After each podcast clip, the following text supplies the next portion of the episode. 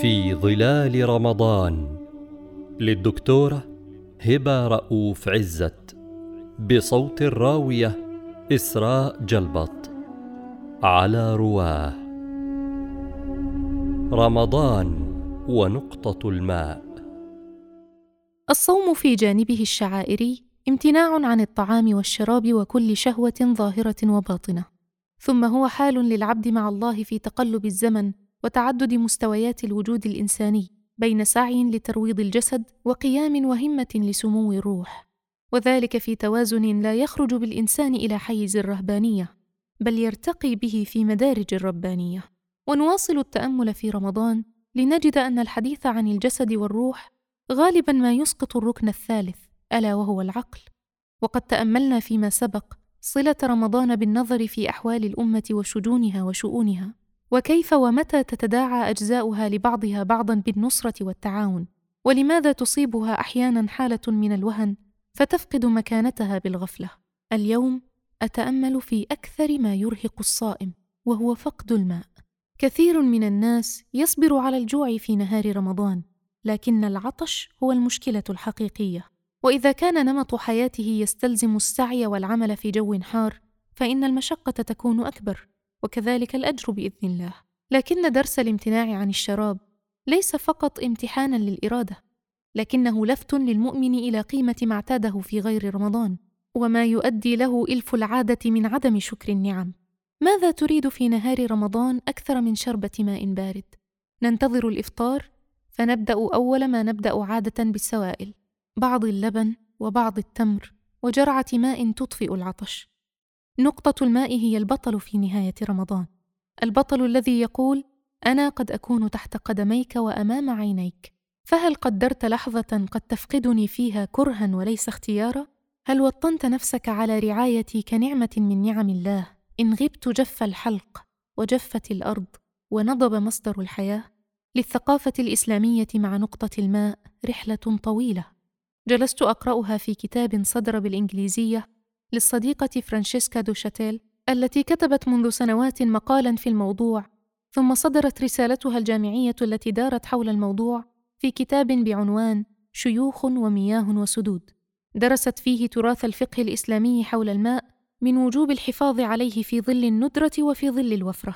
ولنا في حديث رسول الله صلى الله عليه وسلم عن النهي عن السرف في استخدام الماء ولو كنت تتوضأ للصلاة ولو كنت على نهر جار أسوة مرورا بصور الماء في القرآن كونه مصدر الخلق إلى أنهار الجنة. وكيف بنى التراث الفقهي تقاليد عريقة وطور حقوقا بشأن الماء كمورد عام. تأسست عليها طرائق التعامل مع مياه الشرب ومياه الري ومياه الصرف في الحواضر الإسلامية بشكل طبع المدن بسمات واضحة في كل أنحاء العالم الإسلامي.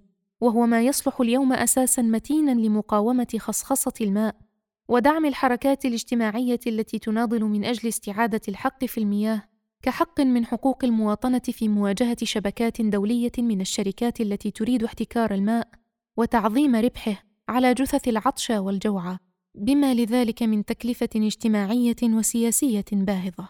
انظر إلى أهم وأقوى القطاعات التي ركز عليها العدو الصهيوني في التثبيت لكيانه الاستيطاني والتعدي على الوجود الفلسطيني سرقة المياه الجوفية والهيمنة على موارد المياه الإقليمية في ملف التعاون مع تركيا وفي الصراع مع مصر وفي خطط الاعتداء على الأنهار في الدول المحيطة من لبنان إلى سوريه إلى الأردن. لقد طور الصهاينة وسائل الري بالتنقيط وبرعوا في الزراعة وتقنيات استغلال المياه والأرض لآخر قطرة وشبر.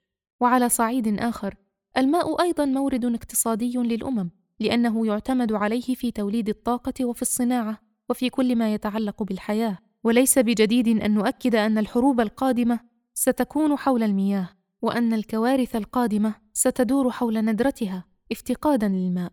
وقد نفد الرصيد الاحتياطي من المياه الجوفية تقريبا في الجزيرة العربية وجفت الأنهار في الهلال الخصيب شاما وعراقا. وهناك نزاعات حوض النيل حول الأنصبة المختلفة في ماء منابعه. الأخطر أنه مع الاحترار العالمي وتغير المناخ بما كسبت أيدي الرأسمالية بعد ثورتها الصناعية التي دشنت نهضة الغرب لكنها أيضا دمرت توازن الأرض البيئي ستطغى المياه المالحة على المياه العذبة. فنصف دلتا النيل مهدد بارتفاع منسوب البحر نتيجة ذوبان ثلوج القطب والمأزق الذي نواجهه متشابه في كل السواحل العربية بما فيها سواحل الخليج الفرح بعوائد عاجلة ومغرية لدفن البحر. ولا يرى الخطر المحدق به بعد عقود ستمر مر السحاب. كل هذا وما زالت السياسات البيئية العربية بشأن المياه متعثرة. لا أحد يريد أن يزعج الناس أو يهيج الجماهير. فيتم إخفاء التقارير الدولية في الأدراج أو التعامل معها بخفة أو بقلة دين. فالتوكل الكاذب هو المنطق وليس شكر النعمة بالتخطيط الرشيد لتنميتها. والتوعية لا بسياسات الدولة تجاه الأمر فحسب بل بنشر ثقافة الوعي بالخطر وتغيير العادات التي تستنزف مواردنا المائية كل يوم. كتبت منذ سنوات في جريدة الدستور المصرية خطتي الشخصية لتوفير المياه من خلال صياغة نموذج طبقته في بيتي آنذاك بصرامة واضحة. لا إهدار لمياه صالحة للشرب في غير موضع. نستخدم للصرف الصحي المنصرف من مياه الغسالة الأوتوماتيكية التي وضعت بجانبها خزانا بلاستيكيا متوسط الحجم لادخار الماء الخارج منها المحمل بالصابون وبقايا الغسل وذلك من خلال دلو صغير بعد قضاء الحاجة. والمياه شبه الصافية التي تخرج من آخر دورة غسل نستخدمها في تنظيف سلم البناية. بدأ نظام رقابة بين الأولاد لمراقبة الهدر في المياه عند الوضوء أو غسل الأسنان. وكانت الجريمة الكبرى ووسيلة الإغاظة هي صراخ أحد الأطفال أن الآخر ترك الصنبور مفتوحا أو فتحه على أقصى طاقته من دون داع. أيضا هدر الماء في تنظيف الأرضيات في الحمام توقف باستخدام مساحات أرضية بدلا من الإفراط في سكب الماء والتنبيه على الأخت التي تساعدنا في المنزل بأن الماء ليس مجانيا بالمعنى البيئي. وقد نظرت إلي باستغراب وظنت في البداية أننا أسرة بخيلة منكبة على توفير كل مليم من فاتورة المياه. فلما شرحنا لها أن الثمن هو هدر مياه صالحة للشرب في حين لا يصل هذا الماء إلى قرى كثيرة في الريف المصري وأن الحساب عند الله وليس عند الناس على هذا الإسراف بدأت في التكيف مع الثقافة الجديدة بنجاح ونجحت تلك التجربة المنزلية في رفع الوعي ووقف الهدر. وهل ثقافة المجتمعات إلا نتاج ثقافة الأسر والبيوت؟ إن نظرة على خريطة العالم العربي تدل على أننا نواجه فقرا مائيا حتى إن خبيرة موارد مائية في الخليج قالت في مؤتمر في بيروت حضرته حديثا خذوا نفطنا وأعطونا ماء. لقد خذلتنا الأنظمة طويلا في إدارة السياسة ولم يعد من الممكن قبول فشلها في إدارة الموارد لأننا قايضنا الحرية بالأمن القومي فخسرنا وقايضنا الكرامة بالسيادة القومية فخسرنا وقايضنا الديمقراطية بالتنمية فأفلسنا. وليس من العقل الاستمرار في منح الخبراء والحكومات كل هذه الثقة المفرطة حتى الموت. وسيجد القارئ أنه في مصر وبلاد المغرب بدأت انتفاضات العطش بعد أن كانت الاحتجاجات تدور حول الخبز، وسيزداد هذا في الهلال الخصيب قريبا. نستشعر في رمضان قيمة نقطة المياه ونعمتها، نقرأ مسارها من الخلق إلى القيامة وما بعدها، ونتعلم من السنة النبوية أدب التعامل معها واحترام حقوقها، ويجب أن تكون أحد دروس رمضان المهمة هي رفع درجة الوعي بندرة المياه، وأن يكون من العبادة في رمضان أن نقرأ عن سبيل الحفاظ عليه.